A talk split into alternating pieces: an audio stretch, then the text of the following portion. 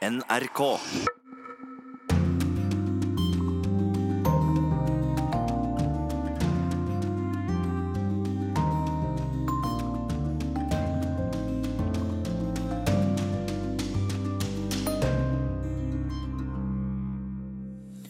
Dette er Urix på lørdag. Flere vietnamesiske familier i Storbritannia frykter at det var deres slektninger som døde i konteineren som ble funnet i Essex i England. 1,4 millioner var ute i gatene i Santiago i Chile i går, og det dreier seg om mye mer enn protester mot dyrere T-banebilletter. Og det er valg i Argentina i morgen. Ahora viene el crecimiento, ahora viene el trabajo. Nå kommer veksten, nå kommer jobbene, nå stiger lønningene, nå blir det mer penger i lomma ved slutten av måneden, roper presidenten. Men trass i løftene, høyresidens president Mauricio Macri sliter med å sikre seg gjenvalg. Bot for å kjøre for fort, det kjenner vi til, men nå kommer også en radar som avslører bråkmakerne på veiene. I Frankrike testes nå Meduse, en kamera som meter kjøretøyers lydemisjoner og fotograferer deres bilskyltar. Dette er en lydradar. Vi skal også høre om barn som graver etter sjeldne mineraler i gruver i Kongo. En nobelprisvinner kjemper for at de skal få gå på skole i stedet. Og podkasten handler om Frode Berg, og om den russiske spionen han kan bli utvekslet med. Denne Filipchenko er jo en gjennomført eh, profesjonell eh, etterretningsagent. Eh, det viste han jo under rettssaken. Han svarte ikke på noen spørsmål. Han hadde ikke tenkt å innrømme noe som helst. Og korrespondentbrevet det kommer fra USA. Her i studio, Øystein Heggen. Først til tragedien i Essex i England. og Som vi hørte i Dagsnytt, vietnamesiske familier frykter altså at deres slektninger kan være blant de 39 menneskene som ble funnet døde i en kjølekonteiner. Reporter Eirik Veum, hva er de siste informasjonene? Det begynner nå å komme en del detaljer som forteller hva slags forferdelig tragedie dette har, har, vært. Det er som du sier, eh, en del familier nå i Vietnam som ikke får kontakt med familiemedlemmene sine.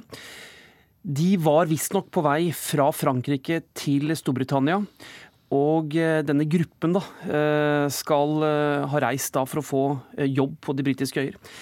En mamma i Vietnam skal ha fått en del tekstmeldinger fra datteren sin, som da var på vei til Storbritannia.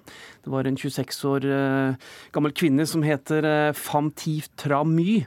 Og denne datteren skrev meldinger sent tirsdag kveld bare noen timer før de ble funnet eh, døde.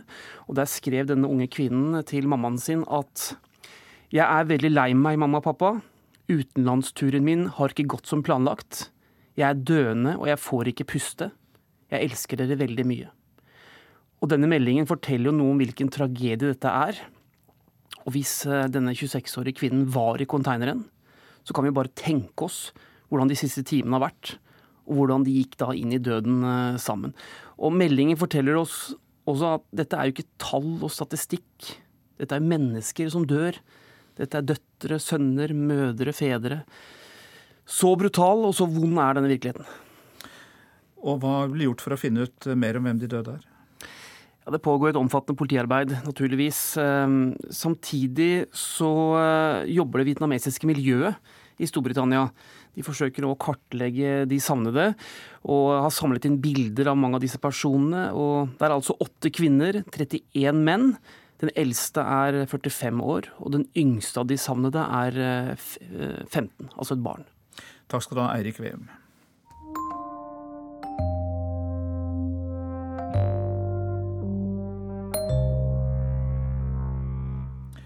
Opp mot 1,4 eh, millioner mennesker var ute i gatene i Chiles hovedstad Santiago i går.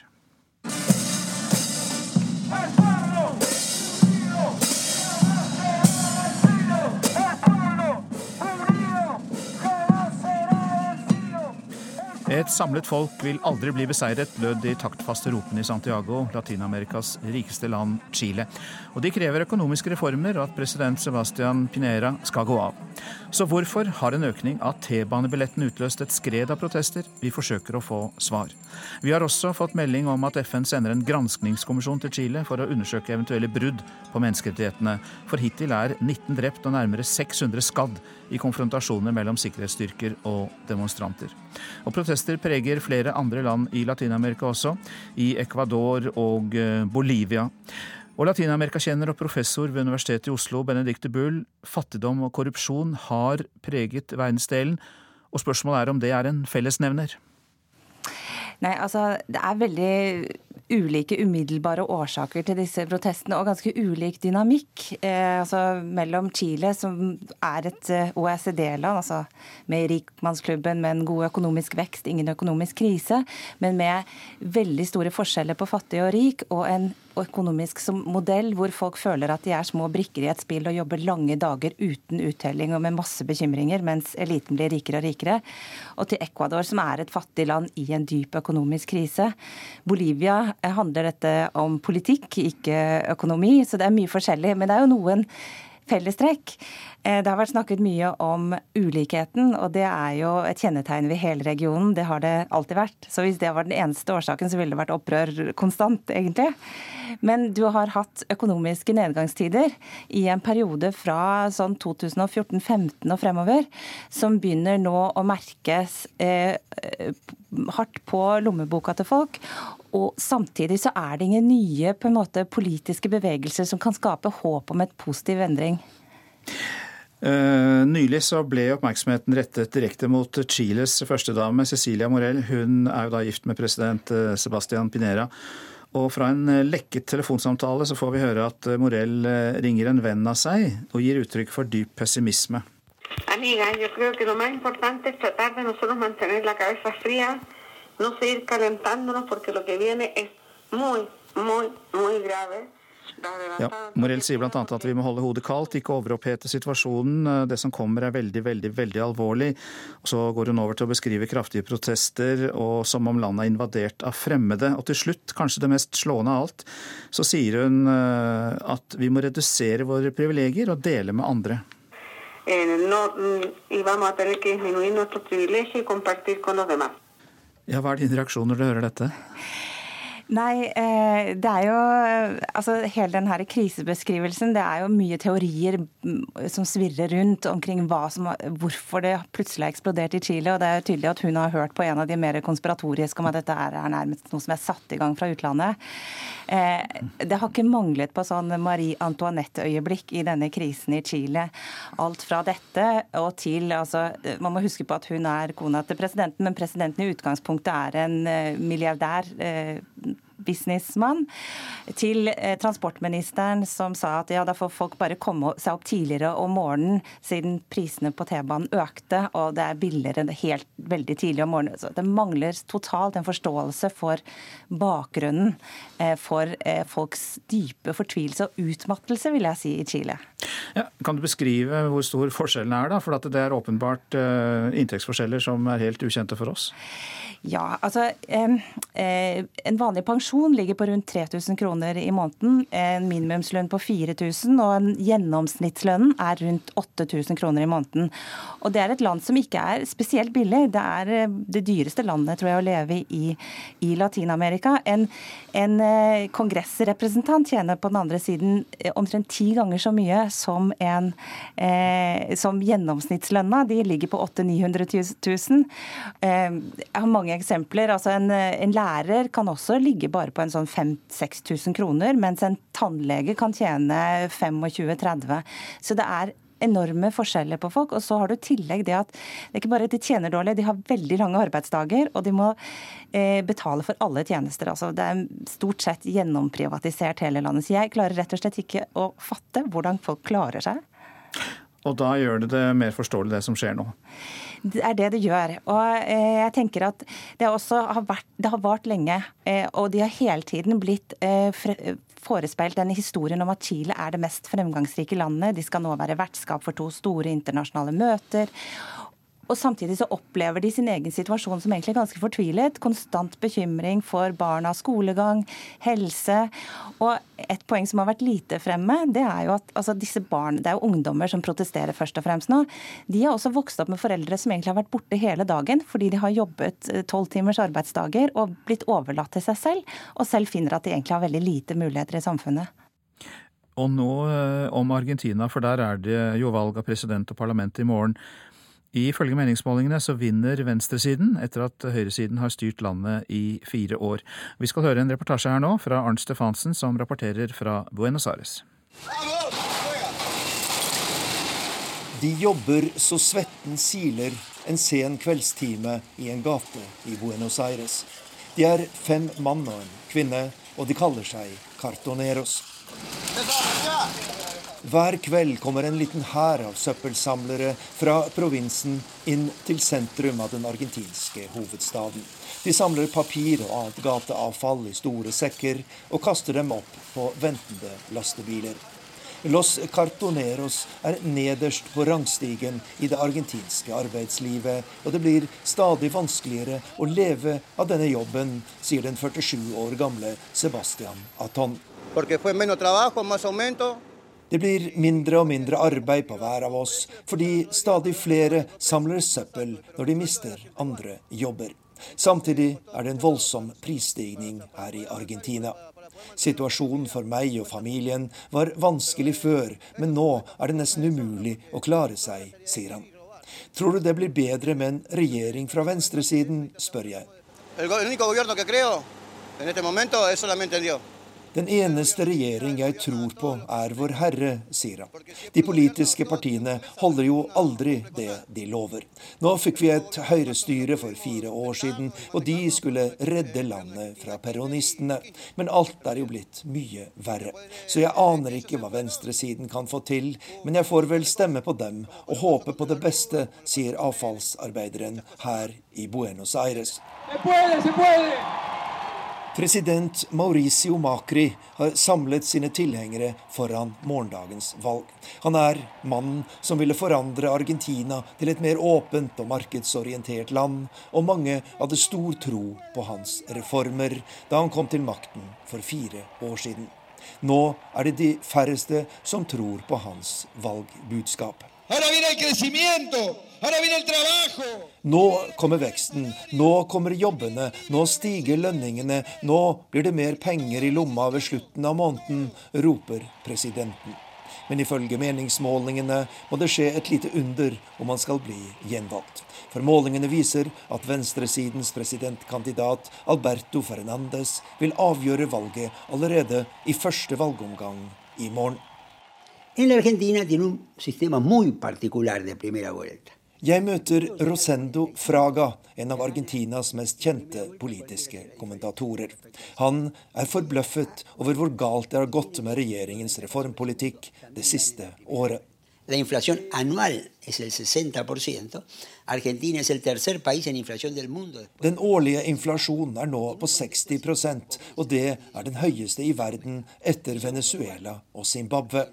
Det har ført til skyhøy fattigdom og økt ledighet. I tillegg møter nå presidenten et peronistparti som har samlet kreftene etter mye splittelse. Og jeg tror ikke han har noen sjanse til å vinne valget, sier eksperten.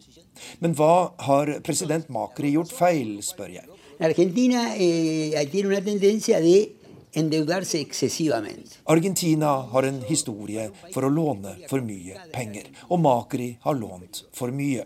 Vi har allerede brukt 80% av de enorme lånene fra Det internasjonale pengefondet, og det har fått investorene til å miste troen på hans politikk.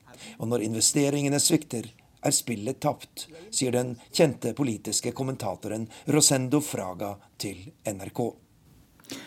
Benedicte Bull, du er fortsatt eh, med oss.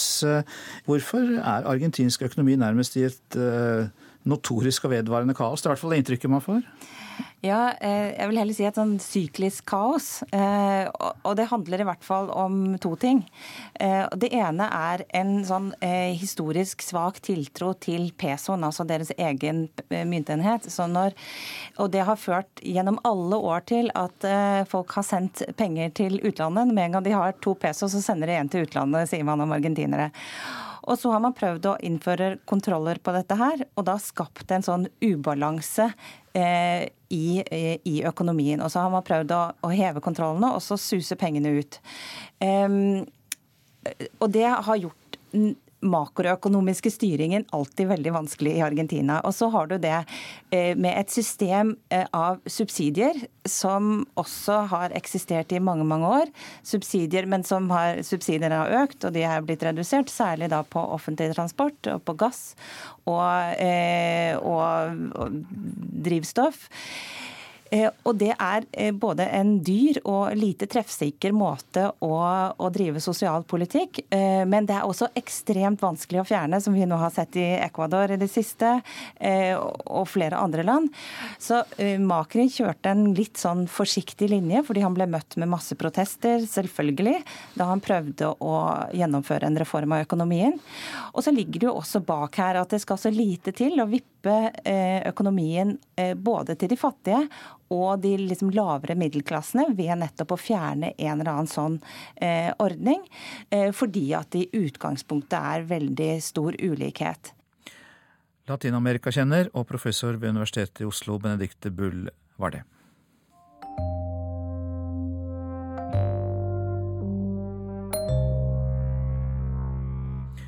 Nå om noe trist som kan endre seg takket være en fredsprisvinner.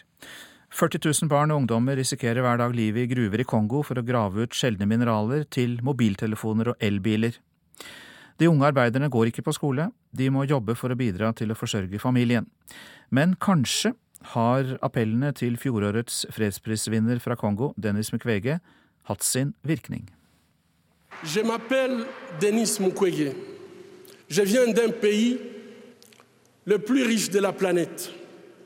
Pourtant, Le peuple de mon pays est parmi les plus pauvres du monde. Jeg kommer fra verdens rikeste land, men mitt folk er blant verdens fattigste.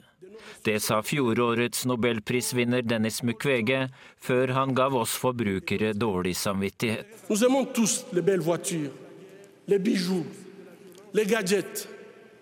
J'ai moi-même un smartphone. Vi liker jo alle fine biler og smykker. Jeg har en smarttelefon selv. Mineralene til disse produktene finner dere hos oss. De blir hentet ut av barn og ungdom under umenneskelige forhold. De er ofre for trusler og seksualisert vold, sa Mukwege.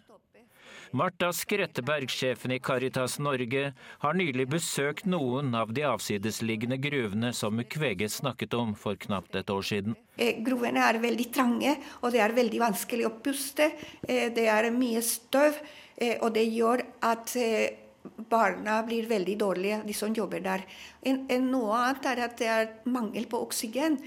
De som du har sett jobber i gruvene, jobber de frivillig, og får de lønn?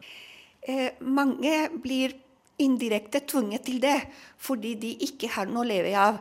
Eh, får, jeg spurte f.eks. en gutt hvor mye han tjente, og han fortalte meg at han tjente bare én dollar per dag.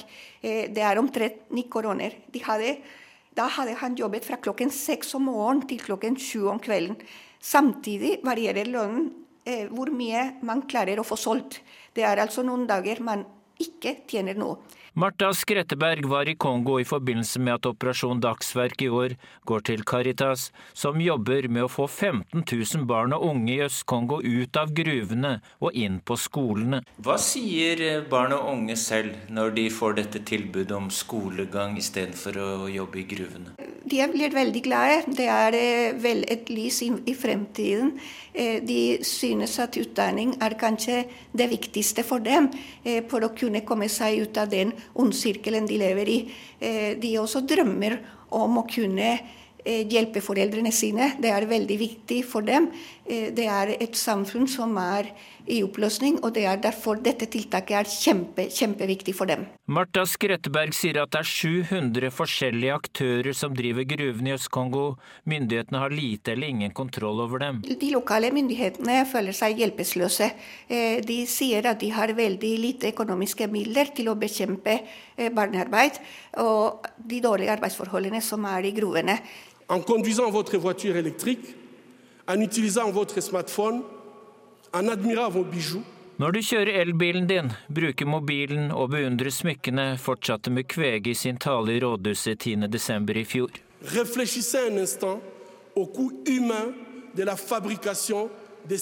Som forbrukere må vi gjøre mer. Vi må insistere på at mineralene som hentes ut, skjer under verdige forhold med respekt for menneskerettighetene, fortsatte Mukwege, før han igjen ble avbrutt av applaus. Marta Skretteberg mener Mukweges pris i fjor allerede har hatt stor effekt. Ja, vi registrerer at det er en positiv utvikling. At det er flere aktører som eh, tar ansvar og undersøker nærmere hvor disse mineralene kommer fra, eh, for å kunne bekjempe barnearbeid. Dette er veldig bra. Samtidig så er det veldig viktig å fortsette det arbeidet. fordi det jeg så da jeg var der, er at vi finner barn som jobber i, grove, i grovevirksomheter. Dette kan vi ikke tillate lenger. Det sa Marta Rubiano Skretteberg, leder av Caritas, som får pengene fra årets Operasjon Dagsverk i neste uke. Og reporter var Dag Bredvei. Nå om eh, overvåkning på veiene. Fartsradar kjenner vi til, nå kan lydradaren komme. I Frankrike tester de utstyr for å slå ned på støy fra motorkjøretøyer.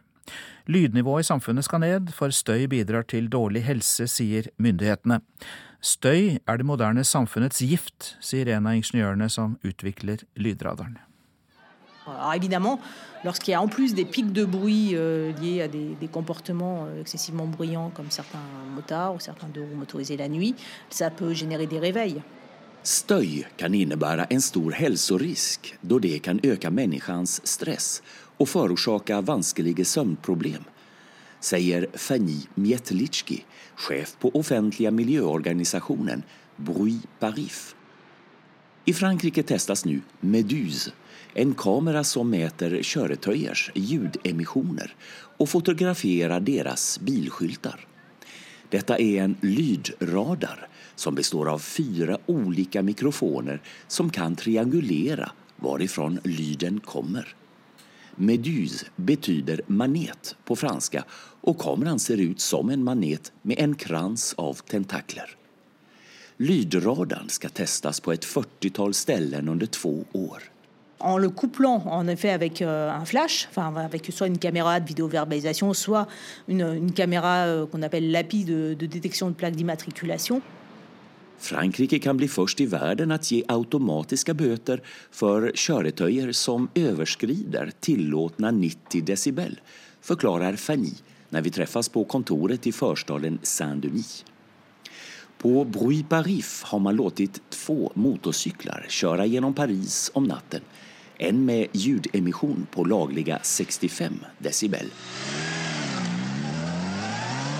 Og en på olagliga 105 decibel. Forskerne har funnet at motorsykkelen med høyest buller kan ha vekt ca. 11 000 personer. At ofte vekkes ur søvnen kan øke risken for hjert- og kärlsjukdomar viser en undersøkning utförd av Världshälsoorganisationen, sier Fanny Mietlitski. Noise Guidelines heter den på engelska. Noise Guidelines. Frankrike er det land i Europa der det säljs mest motorcyklar. I og med lydradarn kommer vi aldri mer kunne släppa loss, sier en anonym mc-förare oroligt til NRK. Han erkjenner at han avlägsnat ljuddemperen og modifierat hele systemet for at det skal låte mer. I Frankrike er det vanlig at polisen gir bøter på opptil 900 kroner for kjøretøyer som fører støy. Men det kreves at polisen er på rett plass i rett tid. Det finns noen få MC-förare som går alldeles for langt. Det sier Didier Renault på MC-förbundet FMMC i förstaden Montreuil. La méduse me fait pas peur, c'est le comportement des gens qui nuisent à la moto qui me fait peur. Ja, vi välkomnar faktiskt lydradaren som kan se til at lagen respekteras, sier Didier på MC-förbundet. Vissa politiker anser dock att ljudnivåerna måste sänkas framöver. Det får däremot inte ske, säger Didier. Non, c'est pas effectivement aujourd'hui. Om bara tysta elbilar får köra på gatorna i framtiden, det vore orättvist, tycker Didier på MC-förbundet.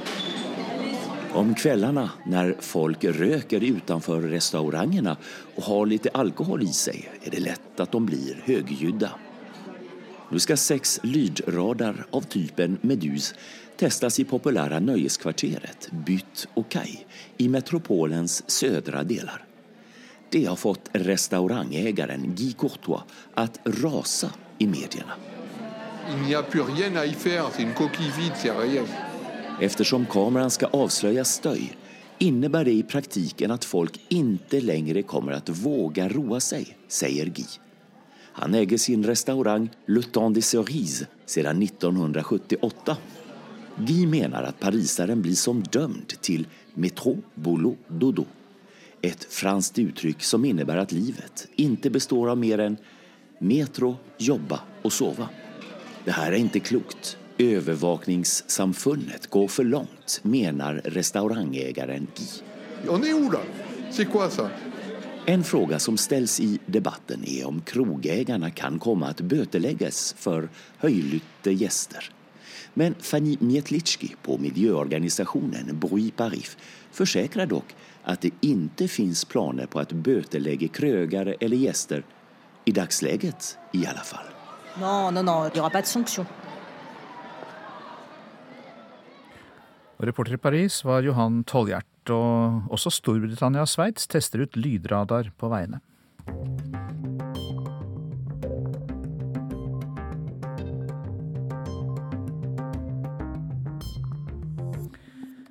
Plages du av og til av varslene som kommer på mobiltelefonen? Da har du noe til felles med Veronica Westrin i Washington DC, som har levert korrespondentbrevet. Pling! Mobiltelefonen gir fra seg en varslingslyd. Det er sent på kvelden amerikansk tid. Jeg har akkurat bretta dyna over meg. Hjemme i Norge ligger dere og sover allerede. Skjermen som lyser opp i mørket, er helt tom for meldinger. Pling, pling, pling. Der var det igjen men med samme tomme, lysende skjerm nok en gang. Jeg snur meg rundt igjen og undres over hvorfor mobilen min plinger så. Mannen min sukker litt oppgitt fra siden. Det samme gjentok seg hver kveld jeg la meg etter at jeg flytta til USA, og jeg lurte på hvorfor. Det tok meg litt tid å forstå. Idet jeg ankom USA, fant jeg ut at det ville være lurt for meg som korrespondent å få varslinger på mobilen hver gang Trump tvitret. I og med at presidenten bruker den sosiale medieplattformen til å ytre sine politiske meninger. Siden starten av hans presidentperiode har disse meldingene blitt vurdert som offisielle uttalelser fra USAs president. På Twitter har presidenten ført en handelskrig, han har trukket tilbake styrker fra Syria og hengt ut verdensledere og politiske motstandere. Det er viktig for meg å lese twittermeldingene til den amerikanske presidenten. Og ikke så rent sjelden har de også en viss underholdningsverdi, må jeg innrømme. Noen vanskeligere å glemme enn andre som da han hengte ut Nord-Koreas leder Kim Jong-un og skrev at han aldri ville kalt ham kort og feit. Sitat slutt. Eller da han kalte sin tidligere utenriksminister Rex Tillerson dum som en stein og lat som faen. Det var etter at Tillerson i et intervju med TV-kanalen CBS kritiserte Trump og delte hans opplevelser om hvordan det var å jobbe for ham. Det tok meg noe tid å skjønne at det var den nye varslingstjenesten jeg hadde installert for Trumps twittermeldinger som førte til at det plinget så i mobilen min ved leggetid. Hver gang Trump tvitret, pep den. Og den pep til tider hyppig. Vi la oss visst samtidig, den amerikanske presidenten og jeg. Nylig kunne avisa USA Today fortelle at Donald Trump i forrige måned satte en ny personlig Twitter-rekord. Nesten 800 ganger tvitret eller retvitret han meldinger i september måned. Mange av meldingene handlet om Ukraina-saken, som har ført til at demokratene har åpnet en prosess som kan lede til riksrett i Kongressen. Og når vi er inne på demokratene. Det er nå rundt ett år igjen til presidentvalget 3. november. Det er fortsatt mange håpefulle som kjemper om å erstatte Trump og bli USAs 46. president. Og valgkampen er i full gang på sosiale medier. På Instagram kan du følge med hvordan kandidater som annet Andrew Yang, Tulsi Gabbard, Pete Buttigieg, Elizabeth Warren og Joe Biden driver sin valgkamp. Ofte gir de oss et innblikk i livene sine bak kulissene. Vi liker sånt. Og se at også de, som du leser om i avisene og ser på TV, bare er vanlige mennesker, de også. Men det er ikke alt som fungerer. For det kan til tider bli litt flaut. Som da Elizabeth Warren åpnet en øl med mannen på kjøkkenet hjemme. Det funket liksom ikke helt. Det var noe litt eh, pute-TV-aktig over det. Kanskje var Warren litt inspirert av demokratenes stjerneskudd, Alexandria Ocasio-Cortez, som med sine over fire millioner Instagram-følgere har tatt SoMe-verden med storm. Men hun, som meg, tilhører millenniumsgenerasjonen. Og derfor er hun for ung til å stille som presidentkandidat i USA i dag. Da må du nemlig ha fylt 35 år. Mange av presidentkandidatene som nå forsøker å briljere på sosiale medier, er derfor litt oppe i åra. Bernie Sanders er eldst, med sine 78 år. For noen uker siden fikk han hjerteinfarkt, men han ligger ikke på latsiden av den grunn, og er plutselig tilbake. Også i sosiale medier, eller kanskje aller viktigst, i sosiale medier. Den noe yngre Beto O'Rourke har blitt hengt ut av sine meningsmotstandere. Da han lot sine følgere få delta på tannlegetimen, er det vel ingen underdrivelse å kalle stuntet for noe mislykket. Komikeren Trevor Noah fra The Daily Show sa det på følgende måte. Hva er det neste? Ted Cruz som sjekker skjegget sitt for lus på TikTok? Nå må du ikke tro at jeg mener at eldre ikke har noen plass i sosiale medier. Eller ikke skjønner det, for det gjør de. Godt hjulpet av sine profesjonelle team, selvsagt og penger. Hittil har presidentkandidatene brukt minst 61 millioner dollar på nasjonale Facebook- og Google-annonser. Det var en kompis her i DC som først gjorde meg oppmerksom på Elizabeth Warrens økende popularitet. Mens alle de politiske kommentatorene for noen måneder siden fortsatt hyllet Joe Biden som en soleklar favoritt blant de demokratiske presidentkandidatene, sa vennen min at han hadde registrert at noe var i ferd med å skje. Warrens poster i sosiale medier begynte å deles mer og mer blant hans venner. Noen måneder senere rykket hun da også opp i tetsjiktet blant presidentkandidatene. Og nå snakker alle ekspertene, også på den gode gammeldagse TV-en, om Elizabeth Warren. For på internett skjer ting raskt. Livet til en melding, en story eller en direktestream er så altfor kort. Vi følgere jakter på mer. Vi vil ha det nyeste. Vi fortsetter å scrolle. Opp og ned på leten etter det bildet som sjokkerer, overrasker, gleder eller beveger oss. Vi vil jo ikke gå glipp av noe. Men sosiale medier kan også brukes til å manipulere. Stadig kommer det nyheter om forsøk på å påvirke valget. Senest denne uken kom nyheten om at Facebook, som også eier Instagram, har fjernet fire nettverk fra Russland og Iran som spredte feilinformasjon via falske kontoer. Nettverkene hadde som mål å blande seg inn i valgene i USA, Nord-Afrika og Latin-Amerika, ifølge selskapet. Denne uken sa Facebook at de iverksetter flere nye tiltak for å forhindre at land bruker Facebook for å manipulere amerikanske velgere. Sosiale medier spiller nå en enda større rolle enn ved tidligere valg, og har endret måten den politiske kommunikasjonen foregår på i USA og ellers i verden. Som journalist er det en ting som bekymrer meg. På sosiale medier velger vi selv ut dem vi liker. Er det noen som poster noe vi ikke liker, så er vi ikke nådige med å avfølge dem. Dermed skånes vi for de historiene vi helst ikke vil høre. Dem som kanskje hadde åpnet horisonten litt. Hjulpet oss med å se ting på en litt annen måte. Men kanskje også dem vi bør høre. På den måten er sosiale medier med på å forsterke et budskap som allerede appellerer til deg, heller enn å introdusere deg for nye. Når kampen om et presidentverv utspiller seg på sosiale medier, endrer noe av dynamikken i valgkampen seg. Når videoen på Instagram skal være under ett minutt, når meldingen du sender ut til dine følgere skal være under 280 tegn, og aller helst sjokkerende og tabloid, og når fokuset er på antall likes, så gjør det noe med hvordan kandidatene målretter sine kampanjer. Ja, da forsvinner nødvendigvis også noe av helheten. Og mens det finnes klare regler for hva som er lov på TV, så finnes det ikke tilsvarende regler for politisk reklame i sosiale medier. Det er et paradoks at den mest populære plattformen for å få fram sitt politiske budskap på, også er den minst regulerte. Elizabeth Warren er blant dem som har gått hardt ut mot Facebook. Hun mener de, som TV-selskaper, bør nekte å vise noen av Trumps reklamer. Facebook derimot har forsvart hvorfor de velger å ikke sensurere. Men de har strammet inn reglene for hva som er tillatt. Senest denne uken ble Facebook-sjef Mark Zuckerberg stilt til veggs for dette i den amerikanske kongressen. Flere representanter stilte forskjellige versjoner av spørsmålet er Facebook virkelig seriøs på å la politikere lyve i reklamer? Svaret var ja. Vi prøver oss fram, enten vi er journalister eller politikere. Det kan til tider være ganske slitsomt. Det skal jeg være den første til å innrømme. Også å oppdatere alle følgerne. Selv mine beskjedne under 2000 følgere på Instagram bør jo få servert noe litt spennende og interessant hver dag. Men så er jo ikke hverdagen alltid like SoMe-vennlig. Som dagen i dag, eksempel, hvor jeg sitter i joggebuksa hjemme og skriver på et korrespondentbrev. Og når det gjelder varslingstjenesten for Trumps eh, twittermeldinger, vel, den har jeg for lengst deaktivert, for å si det sånn.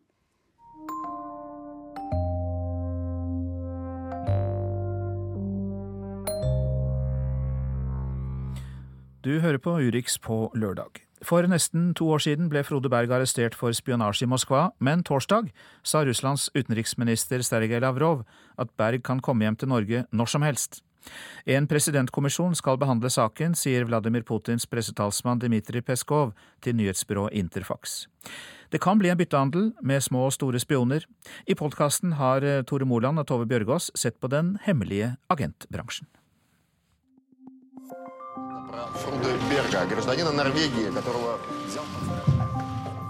Det er ett bilde jeg kommer til å huske fra denne spionsaken. Og det er bildet av en fortvila nordmann som står og gråter inni et glassbur i en russisk rettssal.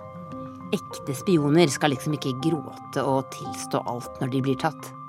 Men nå ser det ut som Frode Berg kanskje kan få komme hjem til Norge allikevel? I en komplisert byttehandel med noen som både ser ut som og oppfører seg mer som skikkelige hemmelige agenter. Men hvordan fungerer denne internasjonale spionbransjen egentlig? Du hører på Krig og fred med Tove Bjørgaas og Tore Moland.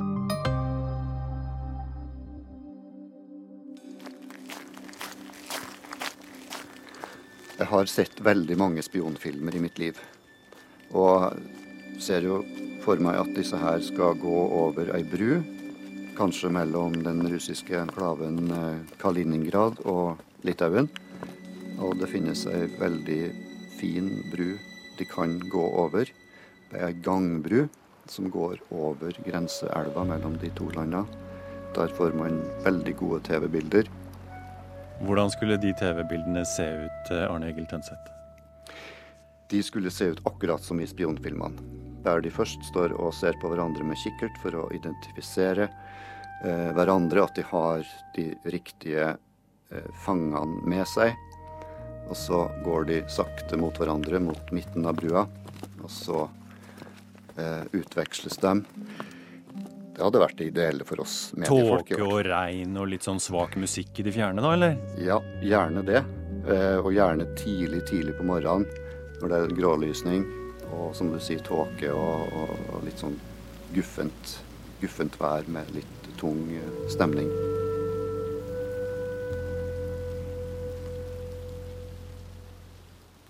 Har du vært der? Nei, jeg har ikke vært der. Men jeg har hørt om det. Jeg har sett bilder av den. Vi så på bilder av den senest i går. Fordi at vi begynte her å spekulere og ønsketenke og, og så for oss at dette her må jo være det ideelle stedet. Så det var i grunnen derfor vi, vi kom på tanken på at uh, her, her, bør det skje. Så NRK Finnmark har da nærmest bestemt for oss at uh, Frode Berg han skal spasere over denne brua mellom Litauen og Kaliningrad? Ja, nå syns jeg du trekker det litt langt, men uh, tja. Mitt navn er Arne Egil Tønseth. Jeg befinner meg akkurat nå i Kirkenes. Jeg jobber i NRK Finnmark og har gjort det i mange, mange år. Jeg har jobba med journalistikk rundt eh, Russland og forholdet mellom Norge og Russland, stort sett med ståsted i Finnmark, men nå som eh, korrespondent i eh, Moskva for en god del år tilbake. Det har hengt en plakat på Samfunnshuset på torget i Kirkenes i snart to år nå. 'Hjelp Frode hjem', står det på den plakaten. og det er vel et nokså eh, ikke akkurat enstemmig samfunn som står bak det, men, men, veldig, veldig mange ønsker selvfølgelig å få den gamle pensjonerte grenseinspektøren tilbake. Og nå virker det kanskje som det nærmer seg? Ja, det ser nesten sånn ut. Det var i Litauen nyheten sprakk om at Frode Berg snart kunne være en fri mann igjen. Løsningen skal rett og slett være en byttehandel med spioner en trekantavtale. Russland skal slippe fri to litauere og én nordmann. Litauen skal slippe fri to spiondømte russere. Den mest kjente av dem er Nikolai Filiptsjenko. Altså, vi har jo fått uh, de offisielle opplysningene som finnes. De har jo kommet fra Litauen og myndighetene der. Uh, jeg har vært i det russiske utenriksdepartementet, og, talskvinnen der sånn hadde ingen verdens å si. sånn at offisielt fra russisk side så er det ikke en sjel som sier et pip om denne saken hittil. Men alt tyder jo på at det er, er på gang. Men, men man er fryktelig forsiktig med å si noe. Jeg er eh, Jan Espen Kruse. Jeg er NRKs eh, korrespondent eh, i Moskva. Og her har jeg vært litt over et år. Men fortell oss da, Jan Espen, hva veit vi om denne utvekslingsavtalen, eller hva tror vi at vi veit? ja, eh, det det ser ut til, er at eh, det er to russiske spioner som sitter fengslet i Litauen. Eh, at de to skal utveksles mot to litauere som er dømt for spionasje her i Russland. Og så henges Frode Berg på denne utvekslingen. Det er det vi tror. Sånn at uh, Rent matematisk så går ikke dette her, her opp. Det, jo, det, ser jo ut som eh, Russland gir tre spioner fra seg, mens Litauen gir to russiske spioner fra seg. Men kanskje viser dette at uh, i hvert fall den ene av de to eh, russiske spionene i Litauen er eh, veldig veldig viktig. Vi eh, vet jo navnet på han. Han heter Nikolai Filiptsjenko. Han ble dømt for et par år siden til ti år i fengsel i Litauen for å ha drevet en spionring. Han prøvde å få tak i samarbeidet med folk i den litauiske sikkerhetstjenesten. De skulle plassere lytteutstyr på kontoret og i boligen til eh, den litauiske presidenten. Ja, Hva betyr det her da, Jan Espen? Betyr det at når man bytter spioner, så pleier man å bytte én mot én, men eh, hvis man har en veldig stor spion, så kan man få med en liten spion på kjøpet? Ja, jeg tror nok det er en riktig beskrivelse av det. Også ehm, er det jo sannsynligvis et trelandssamarbeid, altså mellom Russland, Litauen og eh, Norge. Eh, så kan man spørre hva i all verden er det Norge kan gi, da? Vi har jo ingen spion å bytte med. Men eh, kanskje kan vi tilby Litauen noe på lengre sikt? Et eller annet? Kan det ha med økonomi, kan det ha med politikk, støtte på forskjellige områder å gjøre? Eh, det vet vi jo ikke. Jan Espen, du har kikka litt mer på denne russiske storspionen som Litauen da skal være villig til å sende tilbake til Moskva. Kan du sammenligne han med Frode Berg for oss? Ja, denne Filipchenko er jo en gjennomført uh, profesjonell uh, etterretningsagent. Uh, det viste han jo under rettssaken i, i, Litauen. Han svarte ikke på noen spørsmål. Han var rolig, avbalansert, hadde et halvsmil rundt munnen. han visste at dette måtte han bare gjennomføre. Var, han hadde ikke tenkt å innrømme noe som helst. Så kontrasten mellom hans oppførsel og Frode Bergs er jo ganske stor som viser jo at uh, Frode Berg hadde svært liten peil på hva han ga seg ut på, og hvilken risiko han utsatte seg eh, for. Uh, han oppførte seg vel som en mer amatør i retten enn det denne Filipchenko gjorde. Så den norske etterretningen kommer vel ikke så veldig godt ut av dette når det gjelder deres arbeidsmetoder rundt Frode Berg. Frode Berg ble arrestert i Moskva i desember 2017. Og i april i år ble han dømt i byretten. Han var skyldig i spionasje etter den russiske straffelovens paragraf 276. Og straffen var 14 år i en fangeleir. Frode Berg anket ikke dommen. Men nå i høst har han søkt om å bli benådet.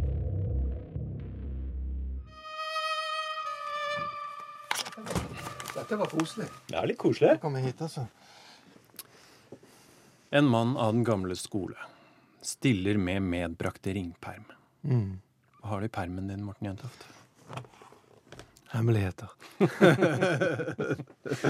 Klassifiserte opplysninger? Klassifiserte, ja. Det er noen ting her som Og det march paslo norvegi verasia resaland. Ja. ja da. Jeg heter Morten Jentoft, er journalist i NRKs utenriksredaksjon. Har jobbet i Finnmark i mange år, og var NRKs korrespondent i Moskva da Frode Berg ble arrestert i begynnelsen av desember 2017. Hvem er Frode Berg? Ja, Frode Berg han er en 64 år gammel eh, pensjonert offiser.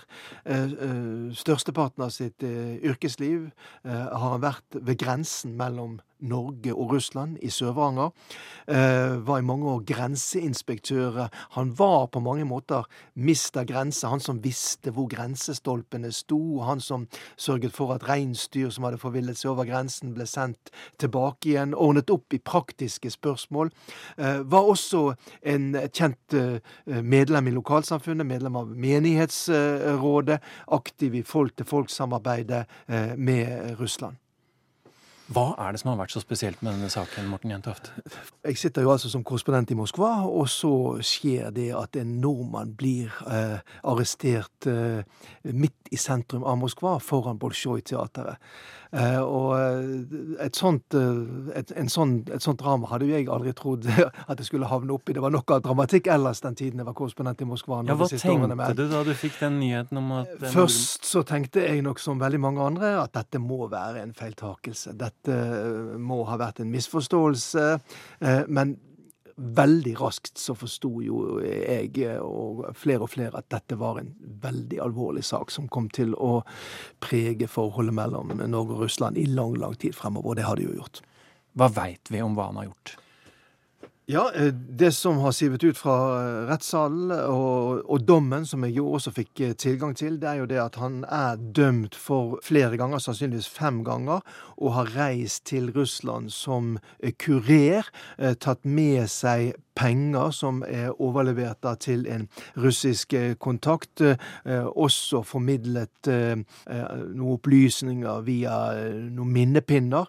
Og Frode Berg har jo innrømmet at han har vært en kurer for personer som han da visste hadde tilknytning til norsk etterretning, men han nekter jo straffskyld i spionasje, at han aktivt har samlet inn denne informasjonen.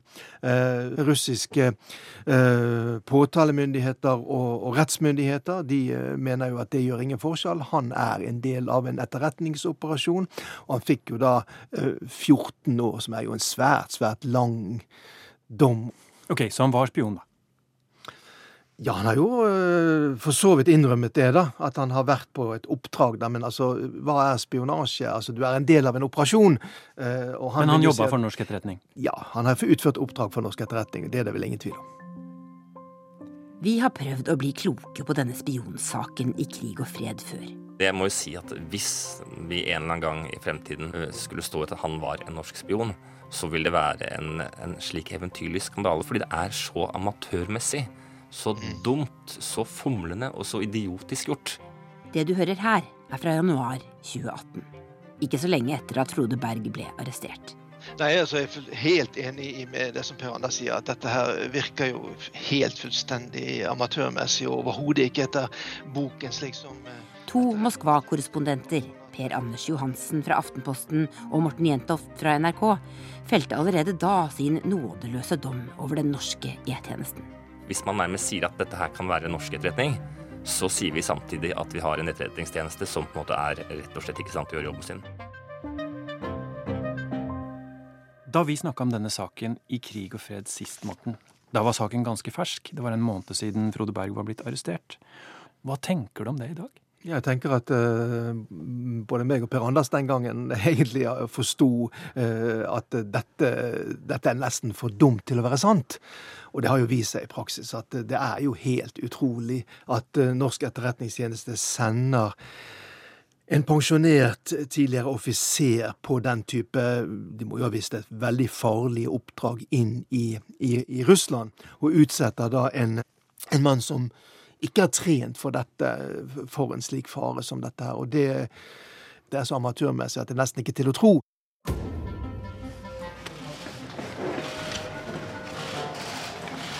Hva det du egentlig gjorde for Etterretningstjenesten? Jeg sendte konvolutt med noen penger.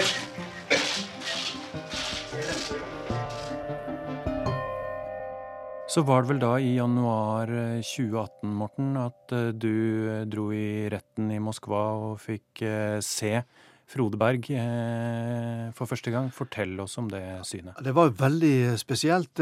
Vi var til stede i rettsbygningen. Vi hadde fått beskjed om at her var det ikke mulig å komme inn og få se noen ting. Men plutselig så Altså, Russland er mulighetenes land, og plutselig så ble vi uh, sluppet inn da i, i, i, i rettssal. Og der sto altså uh, Frode Berg inne i dette glassburet, og, fortvilet og gråt. Og det Da plutselig så ble jo da denne saken mye mer konkret for meg og for vi som jobbet med dette her. Og vi forsto jo også den menneskelige tragedien midt oppi dette her. Og at dette her var en mann som overhodet ikke var forberedt på det som han kunne vente. Altså, eh, Profesjonelle agenter er jo forberedt på på, de må regne med å bli arrestert og så eventuelt bli utvekslet. Men her var det en, en mann som overhodet ikke var forberedt på det han var havnet midt oppi. Det forsto vi med en gang. der. Datoen er 1. oktober i fjor. Og stående inne i et bur i rettssalen får Frode Berg beskjed om at fengslingen av ham blir forlenget. For femte gang. Så skjer det noe. Frode, ja. Hva slags reaksjon har du på det navnet? Hva? Hva slags reaksjon har du på den andre? Mens vaktene kjefter for å få folk ut, tar Morten Jentoft seg helt fram til buret og presser en papirlapp med et navn mot glasset. Ja, det, er det er mannen, svarer Frode Berg. Slik bekrefter han hvem den norske etterretningsoffiseren som sendte ham på oppdrag i Moskva, var. Gjennom journalistisk arbeid så var det jo da mulig eh, relativt raskt å i alle fall eh, finne fram til en av dem, den, den, sentrale personen som hadde vært involvert i, i denne operasjonen. ja. Som er en nordmann, som var den som, som hadde gitt Frode Berg dette Nordmann med tilknytning til norsk etterretningstjeneste. Ja. Og det var jo en, en, et, et gjennombrudd sånn sett for å få knyttet denne saken da direkte til den norske etterretningstjenesten. Men hvorfor kan vi ikke si hvem det er? Altså, Det kan være mange grunner til det.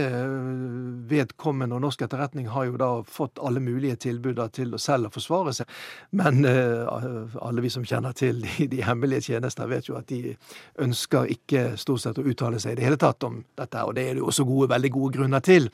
Uh, og, og, viktig er det jo også å, å, å vise til at her uh, Ok, det er enkelt fotsoldater som er involvert i dette, men det er jo i siste hånd da ledelsen i Etterretningstjenesten som har satt i gang eller godkjent denne operasjonen. Og den norske etterretningstjenesten er jo igjen under det norske forsvarsdepartementet, som har en politisk ledelse. Og det er jo de som i siste hånd må svare for hvordan og hvorfor man gjennomførte den type operasjon som de fleste i dag ser på som svært amatørmessig, og som da har gått utover eh, enkeltmennesker. Altså ikke bare Frode Berg, men hele hans familie.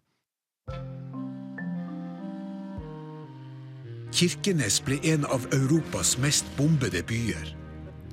Nå i slutten av oktober er det 75 år siden Den røde armé kom fra øst og tok Finnmark tilbake fra Nazi-Tyskland. I oktober 1944 slo den sovjetiske hæren tyskerne tilbake i der. Det skal feires i Frode Bergs hjemby Kirkenes. Med den russiske utenriksministeren på besøk, og med både norsk konge og statsminister på plass. De skal markere naboskap og vennskap mellom Norge og Russland. Men frigjøringsjubileet handler nå plutselig også om når og hvordan en norsk spion kommer hjem igjen. Så dette her er ei kjempestor eh, anledning, og det vipper her i søkk og kav. Og masse arrangementer og masse folk og konserter og foredrag og seminarer og eh, minnehøytideligheter og avduking av monumenter osv. Så, videre, og så, videre. så dette her er stort. Men så er det en mann ved navn Frode Berg som også er fra Kirkenes. Hvordan eh, påvirker hans situasjon frigjøringsjubileet? Han påvirker vel dette jubileet foreløpig som en slags eh, skygge, tror jeg man kan si.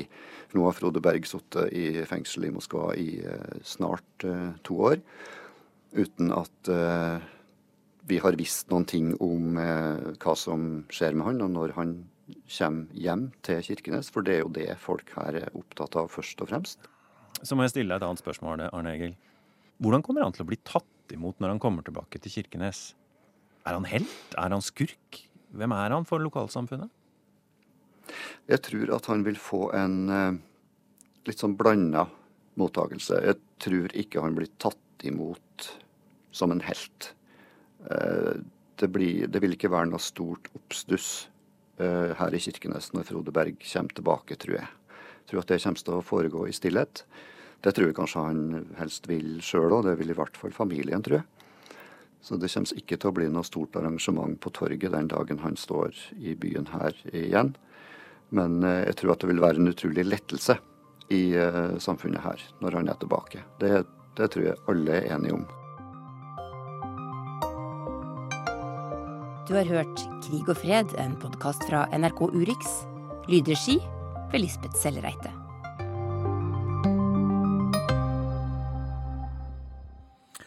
Dette var Urix på lørdag. Teknisk ansvarlig var Hanne Lunås. Produsent Heidi Taksdal Skjeseth. Og i studio Øystein Heggen.